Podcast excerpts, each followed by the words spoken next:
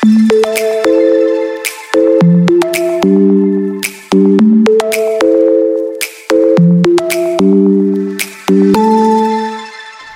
hallo, og velkommen til en ny episode av Vita Valeberg. De episodene her nå som Vita er borte, så har jeg hatt veldig lyst til å snakke om tema som jeg syns kanskje litt, vært litt tabu, som folk syns er litt vanskelig å snakke om.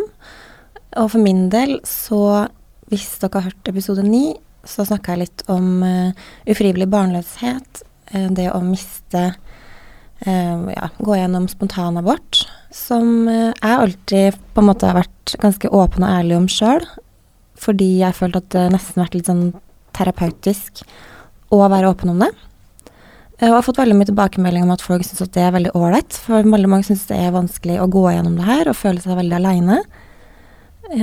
Så i dag så har jeg også fått besøk av en venninne av meg som opplevde en blivende mors største frykt i sommer.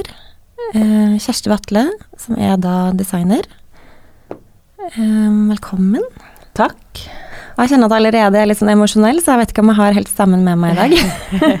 Samme her. Er... Uh, jeg kjenner at jeg er litt nervøs. Hjertet mitt pumper litt ekstra, fordi det er et ganske sårt tema og situasjon og en opplevelse som du har gått gjennom, som vi skal snakke om. Mm.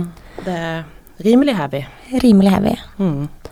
Kjersti, i mm. sommer så opplevde du at hele livet ditt ble snudd opp I ned på hodet. I februar, ja. Mm. Det var faktisk i februar, mm, var det. Så det er nå ja.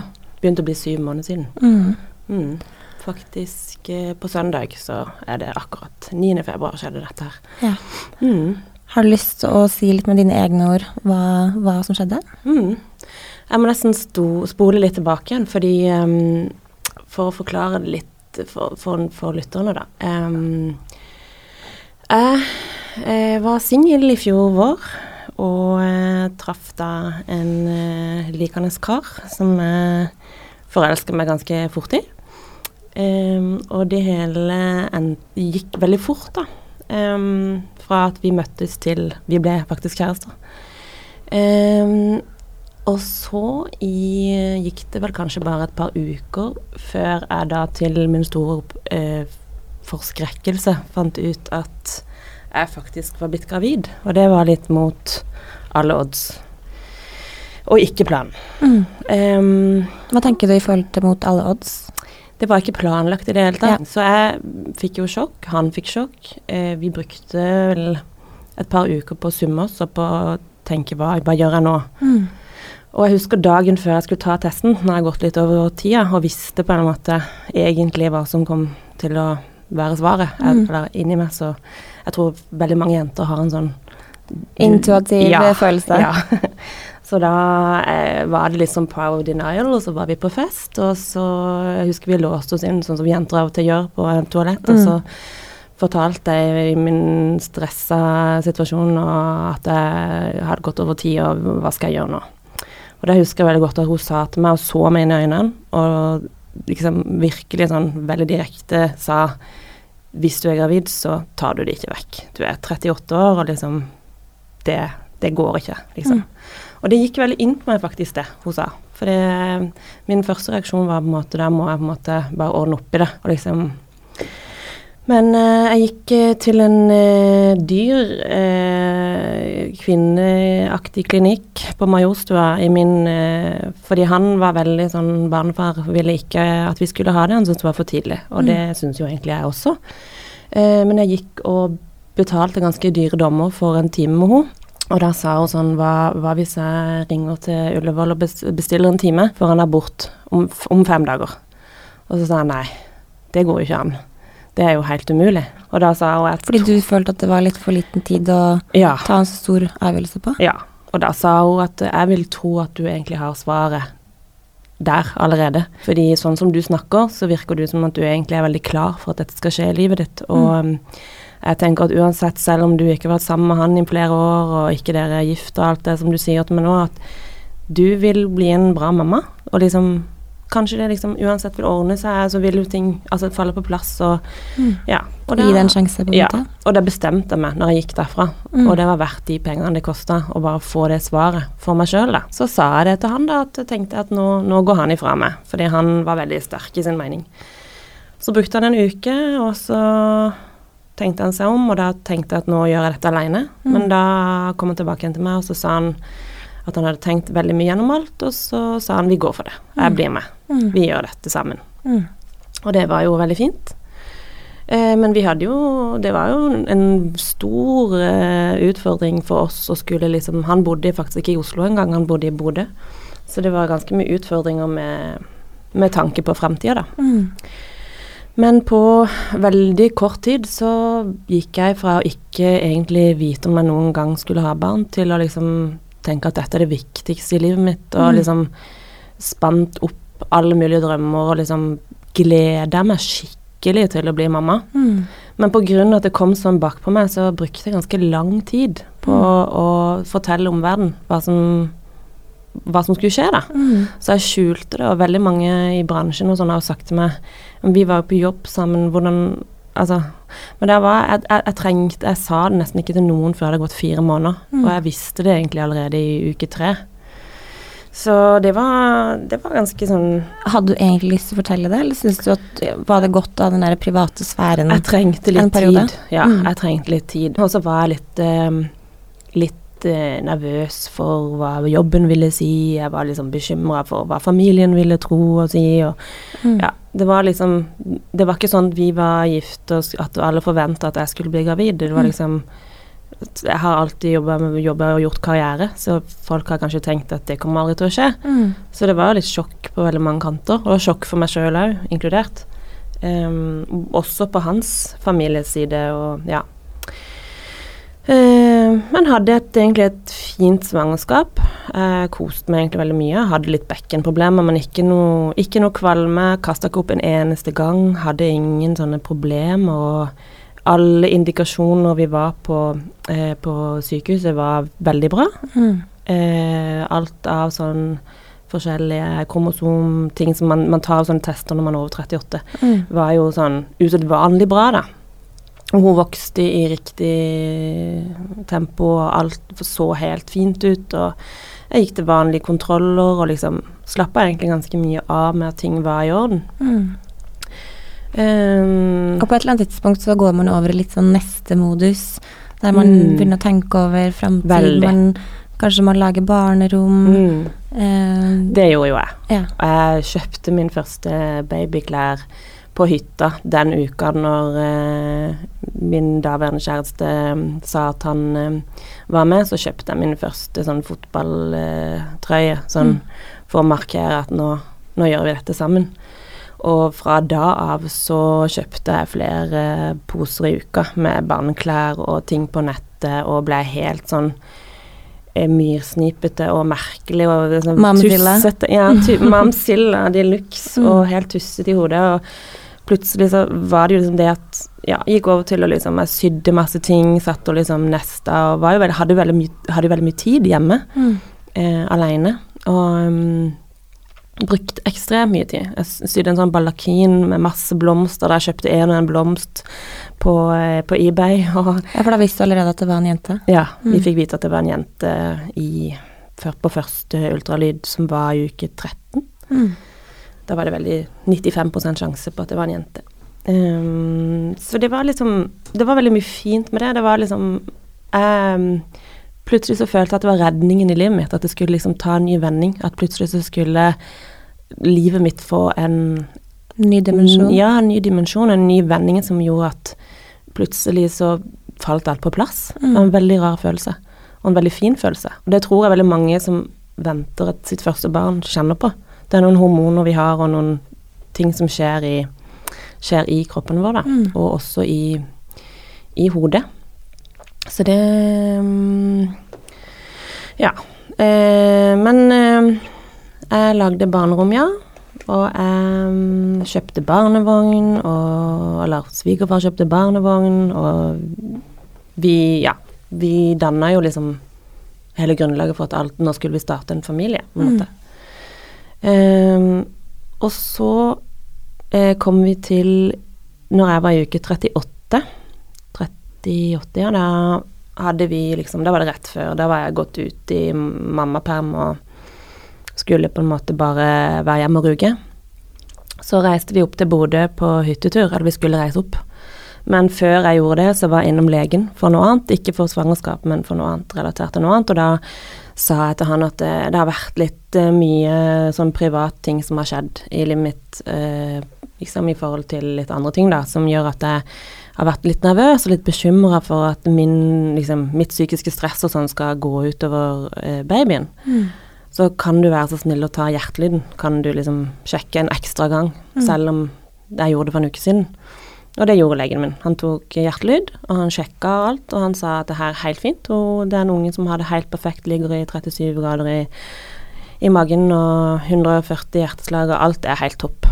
Så du trenger ikke tenke på det, og folk flykter fra Syria gravide og føder helt friske, fine barn. Mm. Så det trenger du ikke tenke på. Bare la det ligge, liksom. Så da reiste jeg opp til Det var liksom den siste uka jeg kunne fly. Da reiste jeg opp til, til Bodø, og vi var på hytta i Sulitjelma. Jeg ble henta i en sånn en eh, eh, fordi jeg ikke skulle liksom måtte anstrenge meg siden jeg var høygravid. Og hadde liksom satt Jeg husker jeg satt foran peisen, det var jo vinter, og um, hun hikka i magen og liksom et bein som stakk litt ut, og alt var bare sånn fint og hyggelig, og jeg gleder meg liksom. Det var bare en sånn god følelse. Alt føltes normalt? Ja, ja.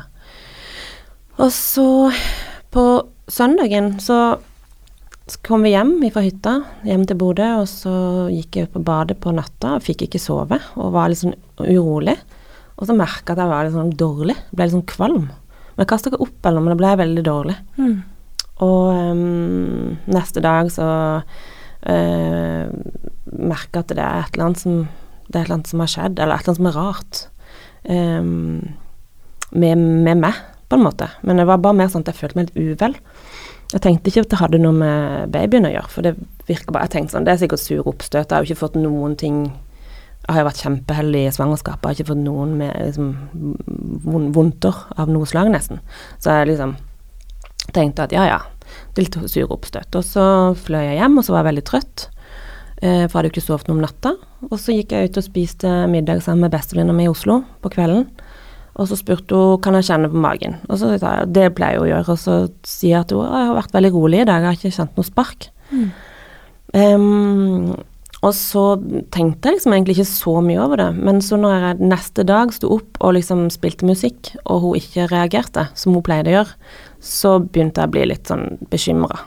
Og så spurte jeg liksom litt folk, og alle sa nei, det er sikkert normalt, hun er en rolig baby, og på slutten så er de ofte litt stille og liksom Sikkert ikke noe å være bekymra for. for Mindre hadde, plass i magen og boltre ja, seg rundt sant? på mm. Ja. Og hun var jo en ganske stor baby, og jeg eh, ja, jeg tenkte egentlig Hun var veldig rolig, da. Og det mm. var liksom sånn som jordmor kommenterte, at det er normalt. Noen babyer er rolige, noen er ikke rolige. Det, mm. Alt er normalt. Alt er normalt. Ja. Så da skulle jeg til jordmor neste dag. Neste dag så hadde jeg en babylunsj sammen med ei venninne av meg som fikk baby i november. Og vi var der, og så fortalte hun at hun hadde vært veldig stille, og sa at jeg har vært litt bekymra, jeg syns det er veldig ekkelt når sånne ting skjer. og jeg føler liksom at hele tida at jeg er liksom litt sånn hønemor som liksom vil sjekke sjekke, dobbeltsjekke og sånn, men, eh, men, eh, men, det er sikkert ingenting. Og så sier venninna mi nei da, det går sikkert bra. Vi satt og pratet om vi skulle amme på taket om sommeren og liksom alt det som vi skulle gjennom, og at de to mm. skulle bli venninner, altså hos sin datter, da. Med min datter og alt sånt der. Um, og så reiste jeg opp til jordmor. Og så fortalte jeg om at jeg har vært ganske bekymra, egentlig veldig bekymra. Og jeg syns det er veldig rart, for hun har ikke, har ikke kjent noe spark de siste 24 timene, liksom. Um, og da sa jordmor ja, ok, men det er ofte at de blir litt stille. Og så skulle hun ta hjertelyden, og der fant hun ikke noe hjertelyd. Og da merka at hele verden ramla sammen.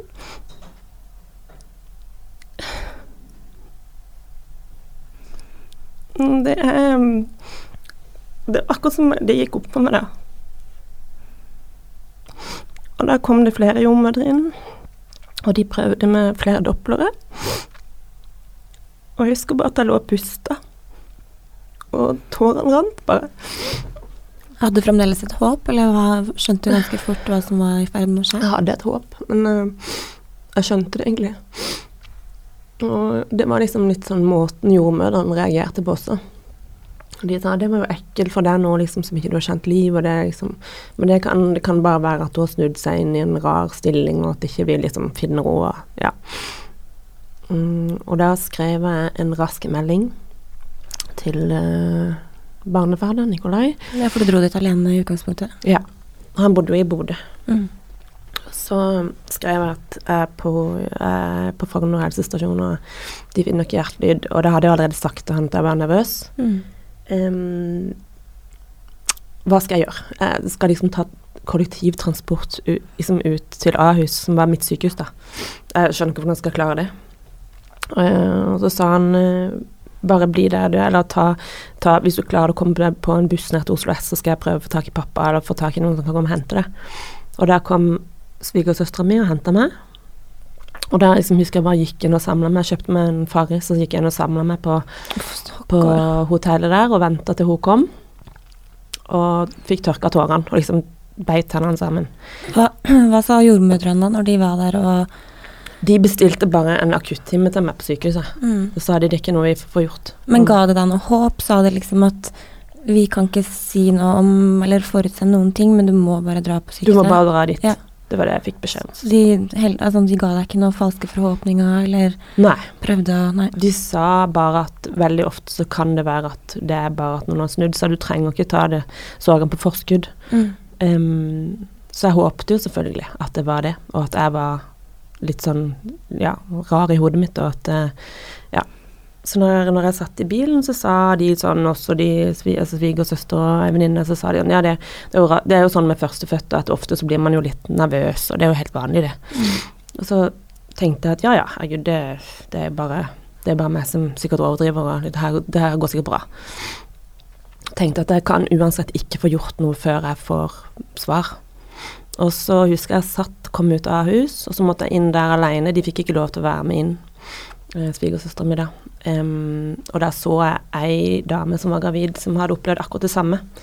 Uh, der hun liksom Jeg bare hørte at hun sa, sa til henne Jeg ble bare så redd, for jeg kjente ikke noe liv. Mm. Og så tenkte jeg å, jeg håper det er det samme beskjeden jeg også får. Håper det er den, den beskjeden jeg får. Og Så så hun kom fikk da beskjed om at, at det gikk bra. at det gikk bra? Mm. Eh, Eller det så det iallfall ut som, Mm. tilsynelatende. Mm. Men jeg em, kom da inn til uh, jordmor. Jeg følte det tok så lang tid når Mm. man sitter der og venter alene. Og så kom jeg endelig inn, og da eh, tok hun liksom eh, ultralyd. Og på monitoren da så så jeg på en måte at det var ikke noe liv der. Det så jeg med en gang, fordi eh, skjermen ble grønn. Den ble ikke svart-hvit, den ble grønn. Jeg så, jeg så babyen, men jeg så, så at det var ikke Hun var ikke der lenger. Og da, når jeg så det, så tok, brukte hun litt tid der hun liksom ikke sa noe. Mm. Og det er jo på en måte noe som alle vordrende mødre tror jeg skjønner at ok, det er ikke et bra tegn. Mm. Og gikk ut, henta en annen lege og ga meg beskjeden. Dessverre, det er ikke noe Det er ikke noe liv der. Og det her var jo uke 39 pluss 4. Jeg hadde ti dager til termin. Um, og akkurat når det skjedde, så Jeg satte meg bare ned på gulvet, husker jeg. Og jeg klarte ikke å grine. Jeg var bare i sjokk. Og jeg husker jeg ringte til Nikolai. Og liksom jeg husker bare sa hun er død. Og Nikolai fikk jo helt sjokk, og han um, kastet seg på første fly fra Bodø, og sammen med mamma. Og så um, bare jeg vi skal bare satt på gulvet og sa det ikke sant. Det kan ikke være sant. Og Hun skal fødes neste uke. Det er jo ikke noe galt med henne. Det er jo ikke noe Alt har vært helt normalt. Og så um, um, Jeg syns akkurat det var litt harsh, den måten jeg ble tatt på av de legene der. Fordi jeg har veldig mye fint å si om Ahus som sykehus, men akkurat det å få den beskjeden Det er ikke så ofte de gir den beskjeden, tror jeg. Særlig ikke uten forvarsel, og på den måten så var det veldig Jeg syns det var veldig, veldig vanskelig. Og jeg, um, jeg satt bare på det gulvet og liksom klarte ikke å helt forstå at, liksom, hva som skjedde. Og så kom svigersøster inn, som hadde fått beskjeden. Og hun kjørte meg hjem. Fordi de sa at eh, det som skjer nå, er at liksom du må komme inn på sykehuset igjen, men det kan være lurt å komme deg hjem en tur, hente litt ting og summe deg litt, liksom. Mm. Spis noe mat hvis du klarer og sånne ting. Det er klart det er kanskje det siste du tenker på. ja. Men jeg kom i hvert fall hjem, og jeg husker at jeg tenkte at nå skal Nå kommer mamma. Nå må jeg liksom rydde leiligheten. Um, det kan ikke se sånn ut når mamma kommer. Og jeg var, jeg var helt sånn Ja, helt merkelig. Man går i sånn Jeg gikk i en sånn Man blir litt sånn urasjonell. eh, Ja. Hvilke tanker som på en måte dukker opp. Ja. Jeg lukka egentlig alt. Og så bare Tenker på alt som er ikke viktig, nesten for Ja. å nesten glemme ja, det som har Eller Ja. Beskytte seg sjøl litt for det som har skjedd. Og så um, husker jeg var der hjemme, var sikkert hjemme halvannen time. Der et svigersøster satt ned i bilen. Jeg spurte om jeg kunne få lov til å være alene en halvannen time. Og jeg tror nok jeg grein. Jeg tror nok jeg hadde jeg, har sånn helt hukommelsestap på hva som Mm. skjedde i den halvannen timen. Jeg aner ikke hva, hva jeg har gjort, og pakka noe sånn random ting som bare Sykehusbagen liksom lå jo der klar, men jeg husker jeg tok ut ting. Bleier og sånn. Det er sånne små brudd jeg husker. Og så kom jo der mamma og Nikolai eh, ble henta av svigerfar på sykehuset. Eh, ute med. Og det liksom Jeg husker bare det bildet av eh, Nikolai og mamma som liksom sto i døra og hylgrein. Og så fikk jeg da Gikk det litt tid, og så fikk jeg kom ned ei jordmor inn. Og så fortalte de at De hadde jo sagt til meg at, jeg måtte føde. Mm. Og så tenkte jeg ja, ja. Det kommer jo ikke til å skje, for jeg skal ikke føde jeg skal ikke føde henne nå. Nå, skal jeg, nå må bare noen bare ta henne vekk. Um, men så sa hun, satt hun seg ned, og så var hun veldig sånn Hun var veldig varm og veldig fin. Og at Anette og Hun sa til meg at um, det er sånn nå at du skal føde uh, babyen din normalt. Og vi Mm. ønsker å gjøre det på den måten. Og så sa jeg men det ønsker ikke jeg. Og så sa hun nei, men det skjønner jeg, den tanken du har, den følelsen. Det å skulle føde et, et dødt barn, det er ikke noe man har lyst til. Det er ingen som har lyst til det. Og det her er jo selvfølgelig veldig, veldig grusomt. Men uh, hun sa at med tanke på din fremtid, hvis du skal ha et barn til, Mm. og med tanke på prosessen, sorgprosessen og alt som kommer i ettertid, så er det forska på at det er best å føde på vanlig vis, Mm. vaginalt, da. Og Men jeg skjønner så godt tanken din, at Ja. man vil bare ha det bort. Ja, Fordi sa man blir sånn Man blir helt Man Ja. klarer ikke å tenke rasjonelt i det hele tatt. For alle mine tanker, alt som jeg har liksom gått og forberedt forberedt meg på, var liksom Den motivasjonen var jo vekke. Mm. Det var jo ikke Liksom å skulle føde et barn som ikke blir barnet ditt, det er liksom Det er jo ingen motivasjon i det. Mm. Og det å skulle gjennom en så ekstrem ting som det å føde, det er jo Der er motivasjonen sinnssykt viktig. Men, men jeg, jeg husker bare når hun så meg i øynene og sa de tingene, Mm. så forsto jeg det. Og så gikk jeg med på det ganske fort, faktisk, at jeg skjønte at det må jeg bare gjøre. Det sier bare litt om hvor viktig at man blir møtt av riktig Ja. person som klarer å Precis, Ja. formidle og kommunisere det på en ok heldig. måte. Ja, jeg var Mm. så heldig. Jeg føler meg ekstremt heldig som fikk henne. Og de var, det var ikke måte på hvor forsiktige de var, hvor flinke de var, og hvor Altså, fikk et eget rom, fikk et skjerma rom. Um, uh, og hun um, uh, Jeg knytta meg veldig til henne, hun første jordmora mi. Hun var Mm. liksom Hun ble på en måte min sånn første møte med alt. Mm. Så hun ble liksom den som fortalte meg alt, som svarte klar, altså, Jeg hadde jo tusen spørsmål. Hun, hun klarte liksom å svare på en fin og varm måte, og liksom hadde liksom enorm empati og veldig, veldig, veldig sånn medmenneskelighet og kjærlighet i det hun gjorde. Husker du hvilke spørsmål som dukka opp i hodet ditt som du ønska svar på akkurat der og da? Nei, eh, veldig mye av det er dessverre forsvunnet. Det er hukommelsestap i det. Mm. Um, men um, jeg hadde mange spørsmål rundt fødselen, om det ble det samme, hva kunne Altså fikk jeg epidural, alle de der tingene som man vanligvis også sikkert lurer på når man skal føde første gang. Um, men det var jo en enorm prosess å liksom være der på sykehuset og bli satt i gang, da. For det var jo det jeg gjorde. Ble satt i gang um, onsdag kveld. Uh, og så fikk jeg ballong og sånn torsdag, fordi jeg hadde jo ikke begynt en fødsel. Så det måtte jo settes i gang. Mm. Og på fredag morgen så starta fødselen. Og da um, hadde jeg hatt, møtt ganske mange ulike jordmødre på de døgnene der.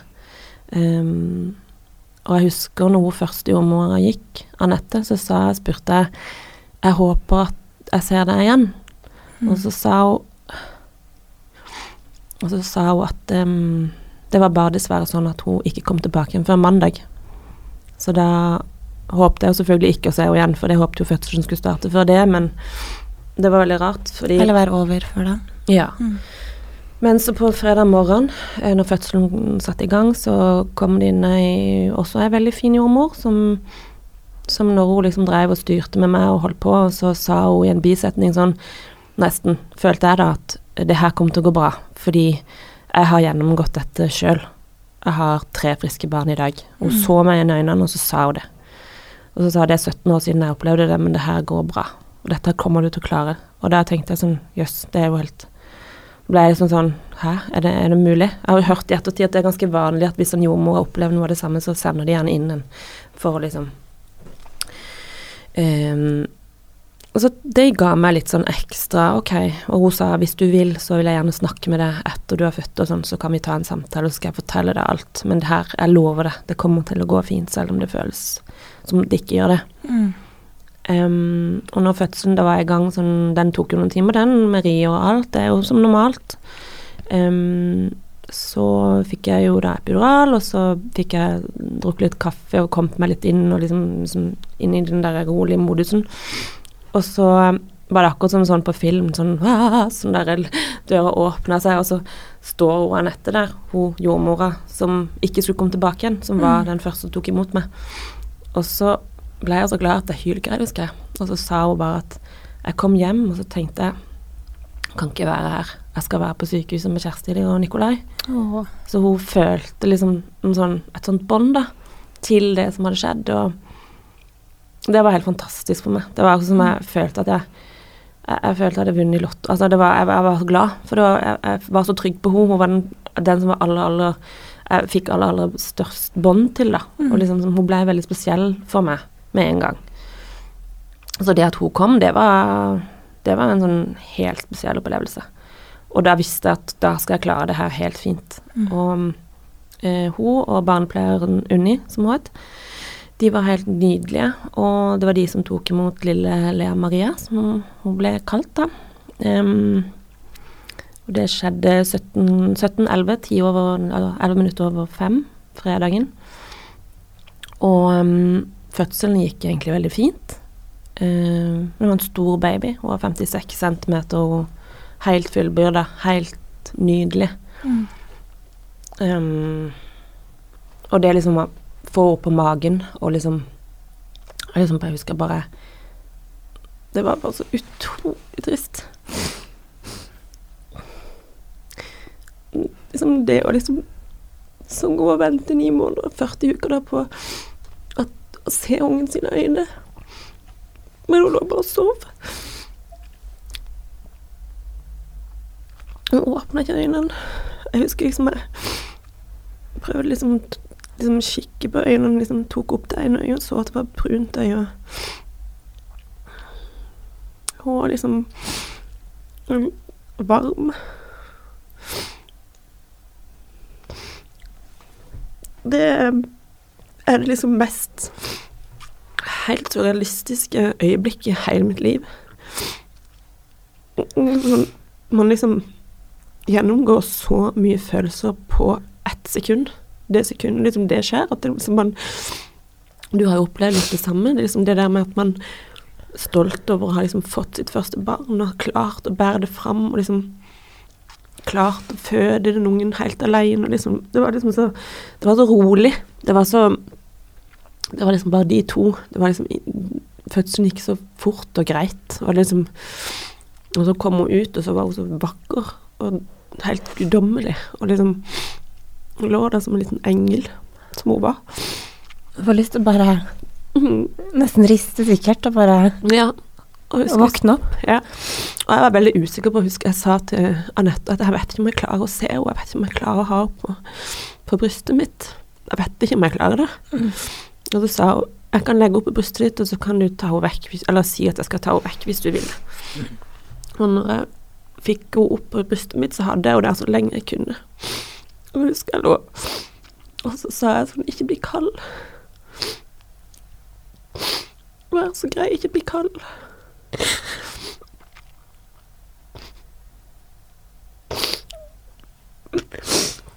Og han holdt liksom, liksom hendene sine som på en måte Det er litt om Hendene hennes har vært helt spesielle for meg. Liksom, de var som de var levende, for de var så varme. De små, fine hendene med lange negler og, og det hå- masse hår og Ja. Så fikk jeg liksom være der med Nikolai noen timer, altså sikkert en time, og så spurte jeg om jeg kunne få lov til å ha henne litt aleine. Bare meg i rommet. Og da, hun, hun, var, hun var veldig stor fan av Coldplay. Em, jeg spilte ganske mye musikk for henne, og hun var veldig glad i, hun veldig glad i Coldplay. Og så spilte jeg Magic, som er en av mine yndlingssanger. Og det, den sangen har jo blitt fått en helt ny betydning for meg. Den handler jo om at selv om du mister det som du ikke skal miste, så er det noe magisk på en eller annen måte i, i det allikevel.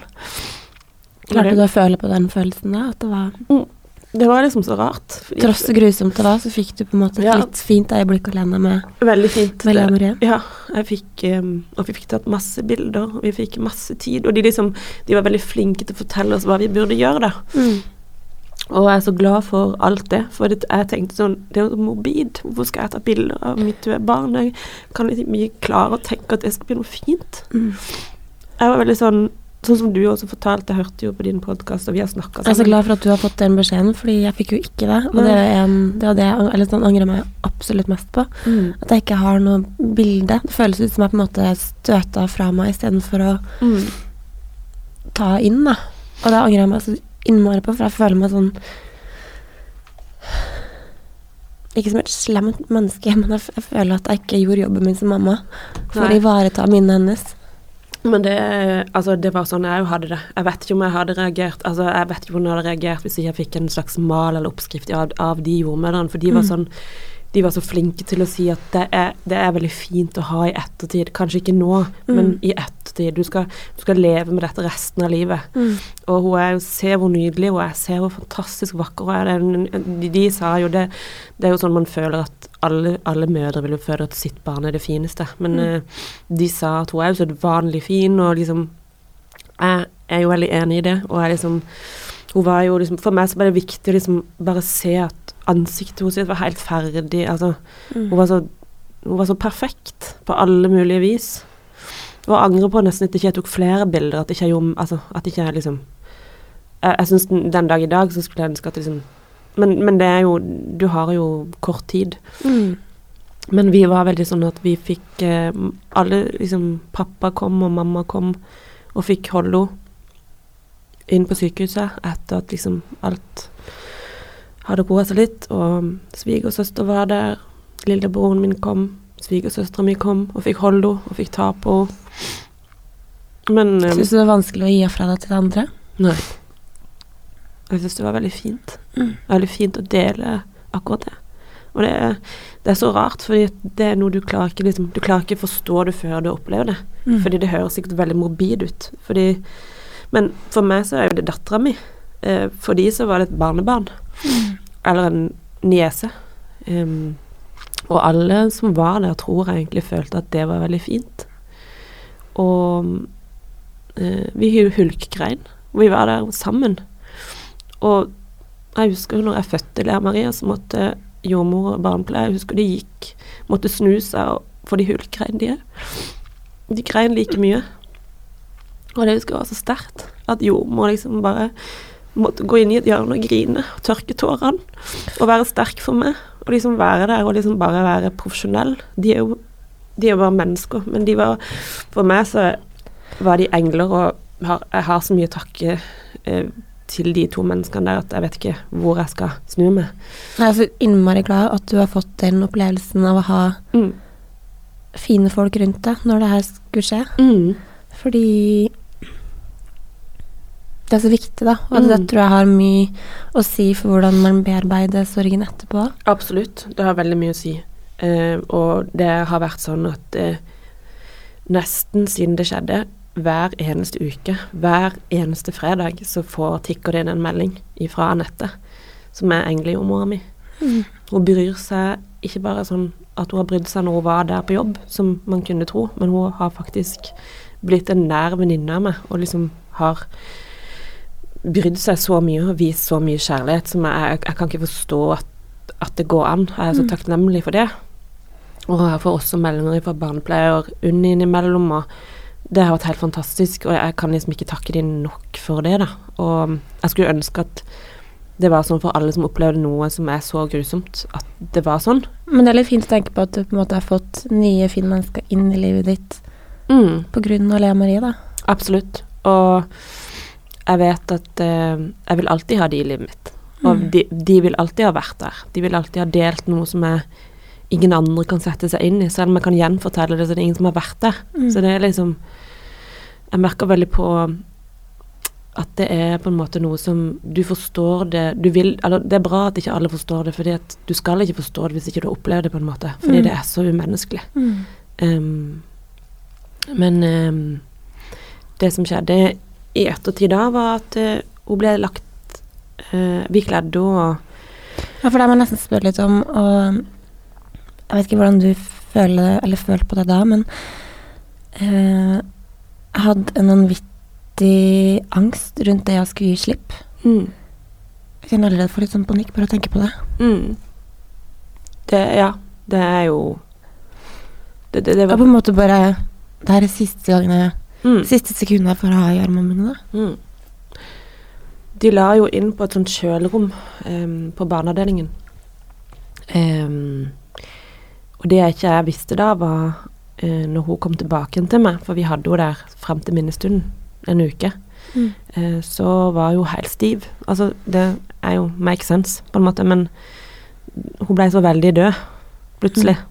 Um, og fikk veldig mørk munn og liksom Sånne ting som man ikke klarer å forberede seg på. Mm. Um, og det var, det var tøft. Og så Altså at mammahjertet blir jo Det er på en måte too much to handle for everybody, eller for mm, alle og enhver som må gå gjennom det her. mm, Så det er helt sinnssykt at man faktisk klarer å overleve det. mm.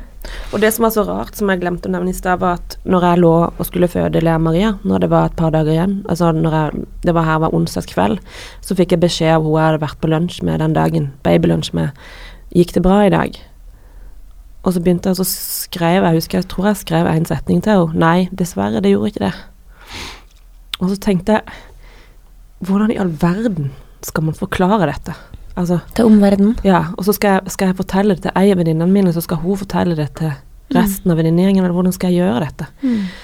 Så husker jeg bare satte meg ned i senga, og da tenkte jeg nå lager jeg en felles tråd for alle mine gamle barndomsvenninner, og så skriver jeg rett fra hjertet hva som har skjedd. Mm.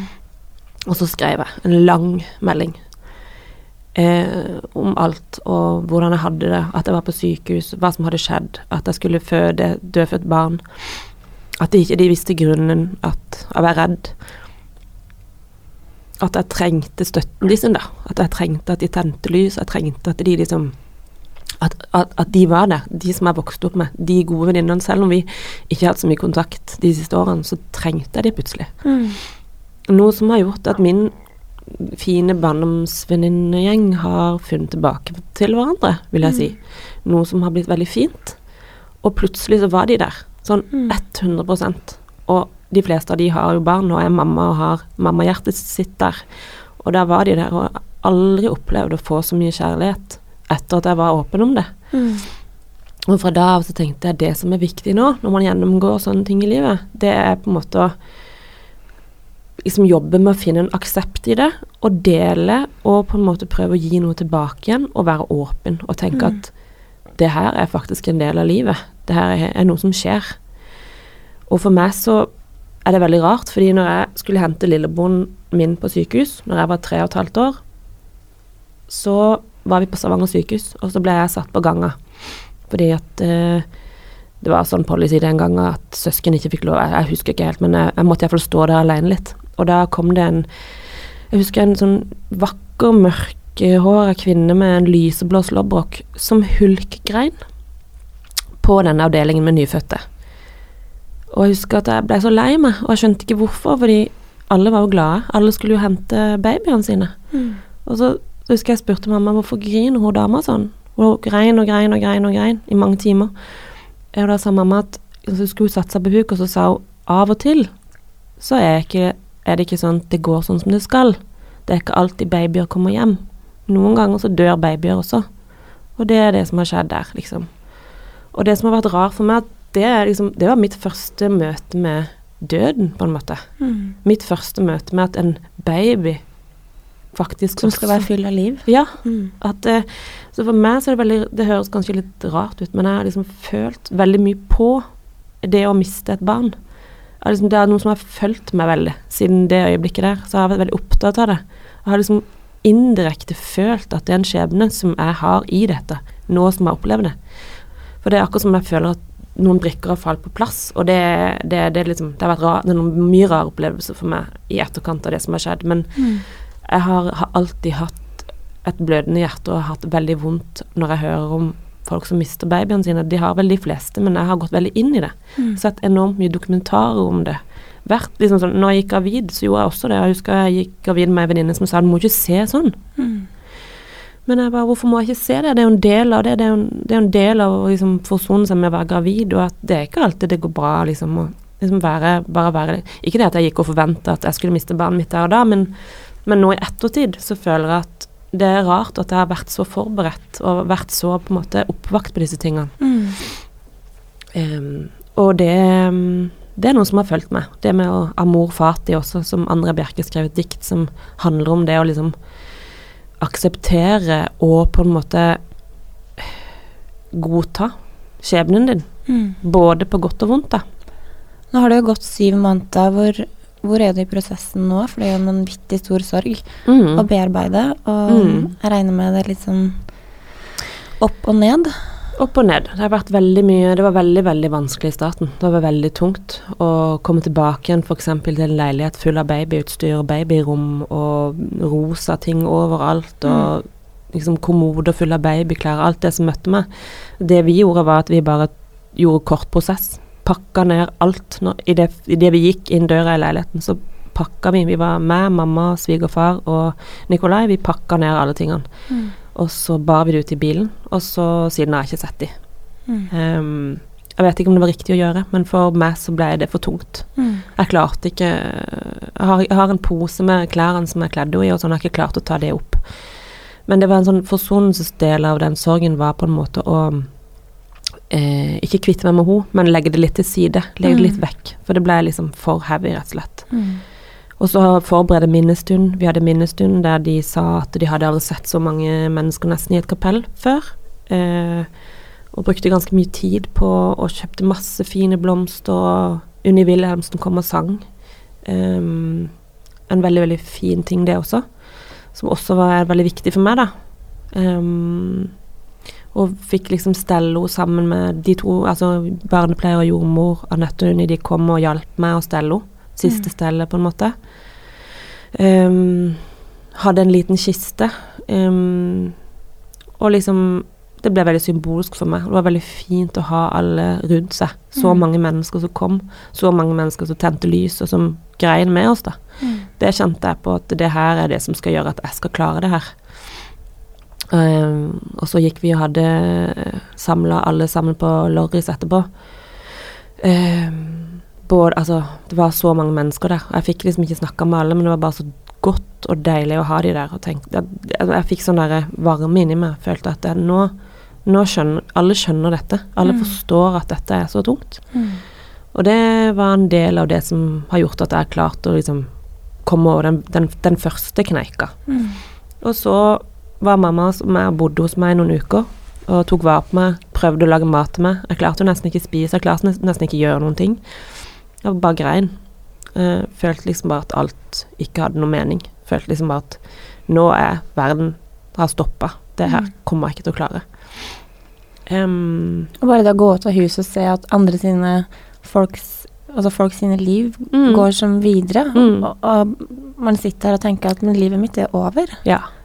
Og det å gå ut bare for å gå på butikken, det gikk nesten ikke an for meg. Mm. Å se en barnevogn da hylgreiene. Mm. Fikk panikkanfall.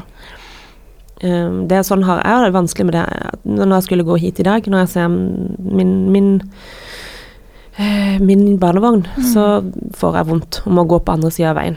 Mm. Det er liksom det Og det er sikkert vans, det, det er liksom sikkert veldig ulike måter å takle disse tingene på. Men nå har jeg begynt å akseptere at den, den barnevogna, den babyen, det er ikke min baby. Det har egentlig ikke noe med meg å gjøre. Mm. Så, så det er liksom litt mer det og det å på en måte finne måter å takle noe så noe så, så sårt og så vondt på. Har du fått hjelp til å bearbeide det her? Har du fått noe profesjonell Mm, ja. Jeg går i terapi, og jeg fikk krisepsykologer hjem til meg i begynnelsen, for da klarte jeg ikke å gå ut. Mm. Eh, Jeg fikk jordmødre hjem til meg, jeg fikk krisepsykologteam. Jeg fikk eh, Jeg hadde jo mamma der som bodde hos meg, jeg hadde Nikolai der, og Um, Men uh, også har jeg jo da etter hvert begynt å gå i sorggruppe, og det er hos LUB, Landsforening for uforutsett eh, barnedød. De har vært, også vært veldig støttende. Mm. Ringte meg, oppfølgte meg veldig mye i starten, eh, eller fulgte opp det, og um, nå eh, i ettertid da begynte i sorggruppe Mm. med andre par og mennesker som har dessverre opplevd lignende ting som det jeg har, da. Det har vært veldig, veldig, veldig fint. Mm. Det er en sånn, veldig sånn forsoning i å kjenne at du er ikke alene. Det er Mm. noen andre som også gjennomgår det her. Mm. Mennesker med fine jobber og bra liv, og som er godt gift og alt mulig. Mm. Eh, som, som har samme, samme smerte. Mm. Og der du kan sitte og bare bli irritert og sint på folk som bebreider seg sjøl. Vi sendte jo også Lea Maria til obduksjon, fordi um, vi visste ikke hvorfor, hvorfor dette skjedde. Mm. Og der fikk jeg beskjed om at 90, jeg tror det var 98% de sa, sjanse for at du ikke får noe svar på den obduksjonen. Fordi vi ser ingenting nå. Ja, fordi når jeg snakka med deg rundt i tidspunktet her, så Mm. sa du at du var nesten forberedt på å ikke få noe svar. For det var det de forberedte meg på. De Mm. sa du må, vi må forberede deg. Dessverre så er det sånn. Prognosen sier. For vi ser ingenting. Det er ingenting feil med deg, det er ingenting feil med ungen. Det er ingenting tilsynelatende feil med verken morkake, navlestreng, ingenting. Mm. Så de på en måte de som sa at da får du se på dette som en slags krybbedød som har skjedd. Um, og så snakka jeg jo igjen med hun her jordmora som var inne hos meg på morgenen. Eh, og det, det satte en liten støkke med, for hun, hun hadde opplevd dette for 17 år siden, men hun var ennå bitter i, og skalv litt i stemmen når hun fortalte at ikke hun hadde fått vite noen grunn. Mm. Og hun sa som jordmor så er det helt eh, Altså det er sikkert ekstra vondt for meg da som jordmor å ikke få noen grunn. Mm. Fordi det var jo, en, det var jo ikke noe feil. Mm. Så hun sa jeg håper virkelig, Kjersti, at du får det svaret. For det, det å gå hele livet og ikke vite, det er nesten det verste for meg. Mm. For det var jo et velskapt, eh, friskt barn. Og det var jo det samme hos meg, da. Men så kom jeg til, til eh, barnelege da i mai, og satte meg ned og så spurte hvordan det gikk. Og så sier hun det går greit. Og så sier jeg at eh, Men jeg har jo forberedt på at ikke jeg får noe svar, så det er vel det jeg får, liksom. Og så sa hun det er veldig rart, men av, mot alle odds så har vi et svar til deg i dag. Og der ble jeg helt sånn Jeg stivna. Mm. Det var liksom en sånn helt sånn rar opplevelse, fordi jeg ble veldig, veldig, veldig redd og lei meg og glad og letta på samme tid. Mm. Eh, og det de hadde funnet da, var at de hadde funnet furer i huden hos sin der navlestrenga hadde måtte snodd seg rundt eh, Lea Maria, da. Rundt hånda og rundt magen og rundt halsen. Eh, og da kunne de liksom sammenligne, og da hadde blitt, navlestrengen hadde blitt flatklemt tre steder på ungen, altså på Lea Maria, Mm. som gjorde at hun da har kanskje bare vridd seg en helt sånn i en sånn helt akutt vridning, eller et eller annet sånt, da. En sånn bevegelse som har gjort at hun faktisk bare Ja.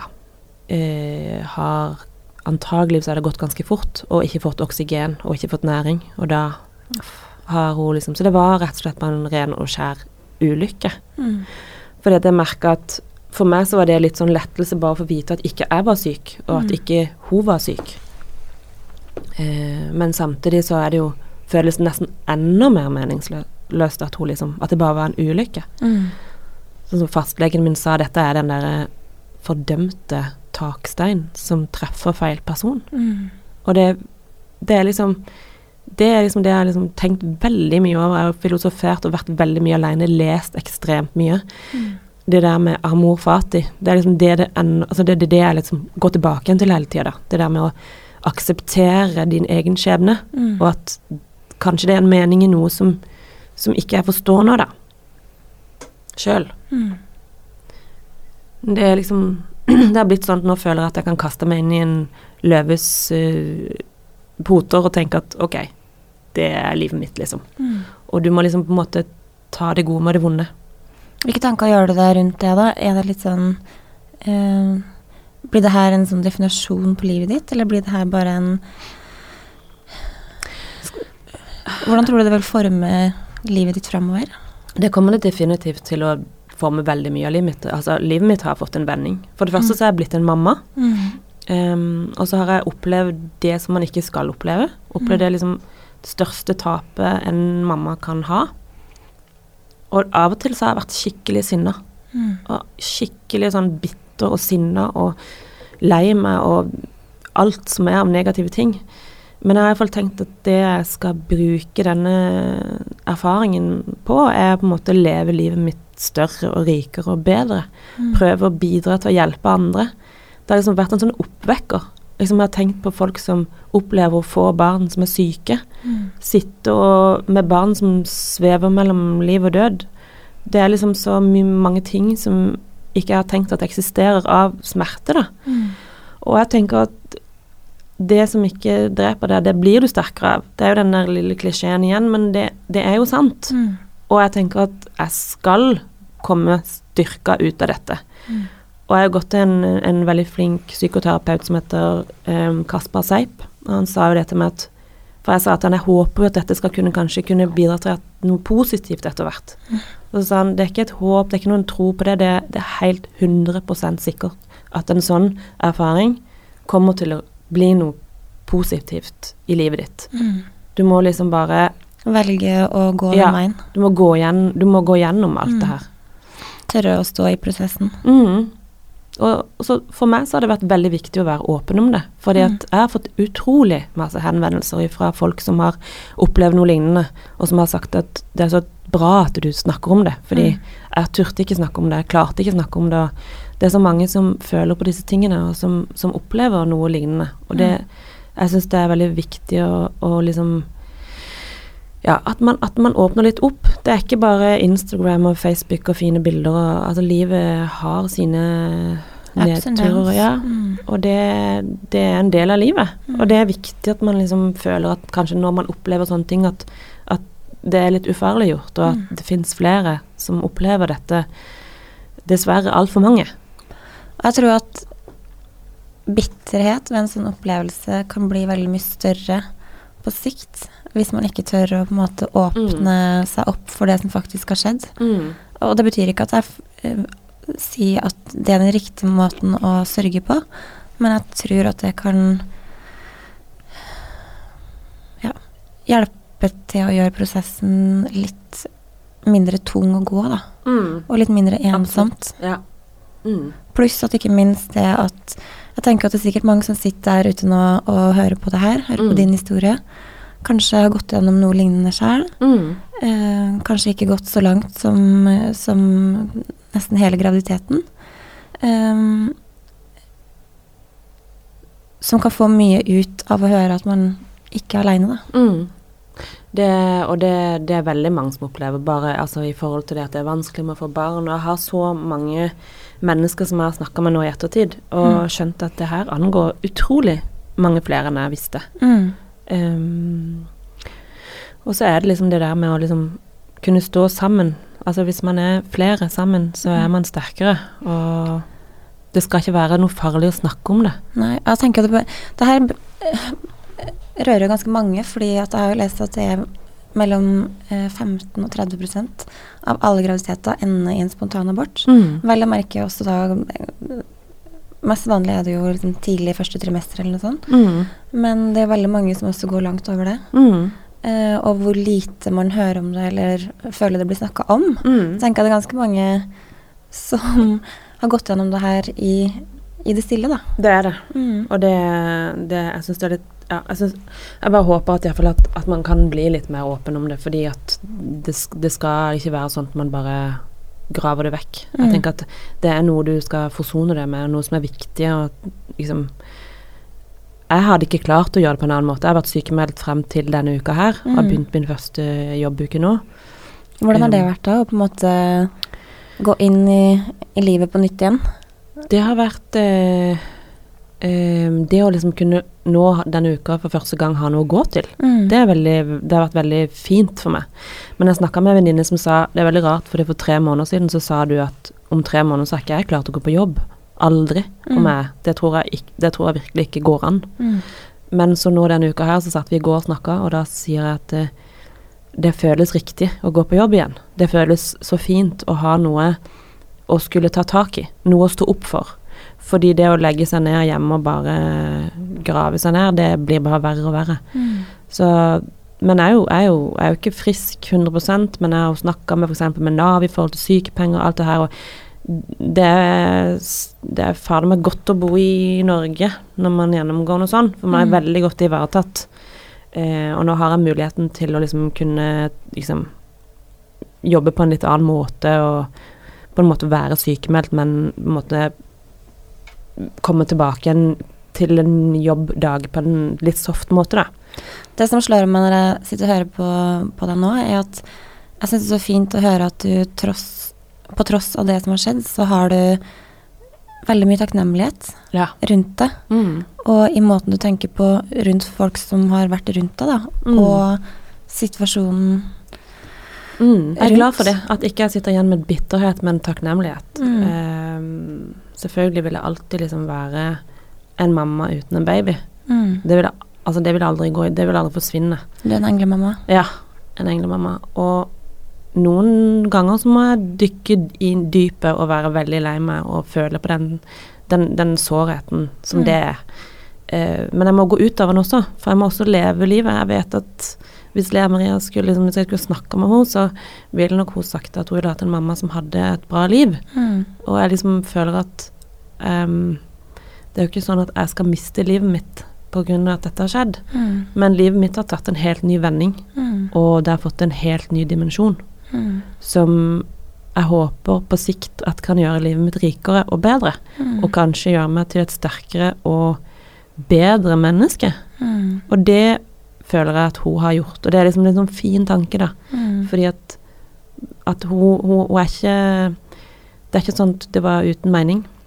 Og um, nå neste uke så eh, venter ei venninne sitt første barn, som kom til verden fordi jeg var med på å overtale henne og ville at hun skulle ha et barn, hun også. Og vi snakka veldig mye om det, og nå føler jeg på en måte at det kommer et barn til verden litt av min baby. Mm. Og um, det er første gang jeg har sagt til noen at jeg nå har lyst til å treffe en baby. Jeg har lyst til å treffe den babyen. Fordi hun lille eh, jenta som skal komme nå, hun kommer til verden av min lille jente. Mm. Litt, iallfall.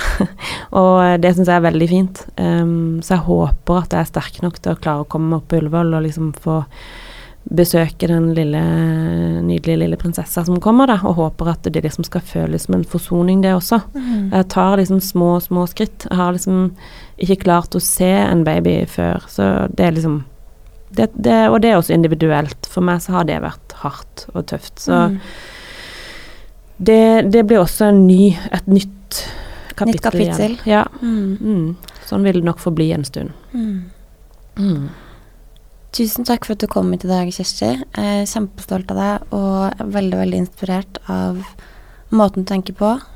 Dealer med det. Sjøl, i like og, måte. og står i det. Du er en kjempeinspirasjon for meg, og for veldig mange, håper jeg, ute der som hører historien din. Um, Jeg håper bare det kan bidra med noe, at folk kan liksom begynne å bli litt mer åpne om, om dette temaet.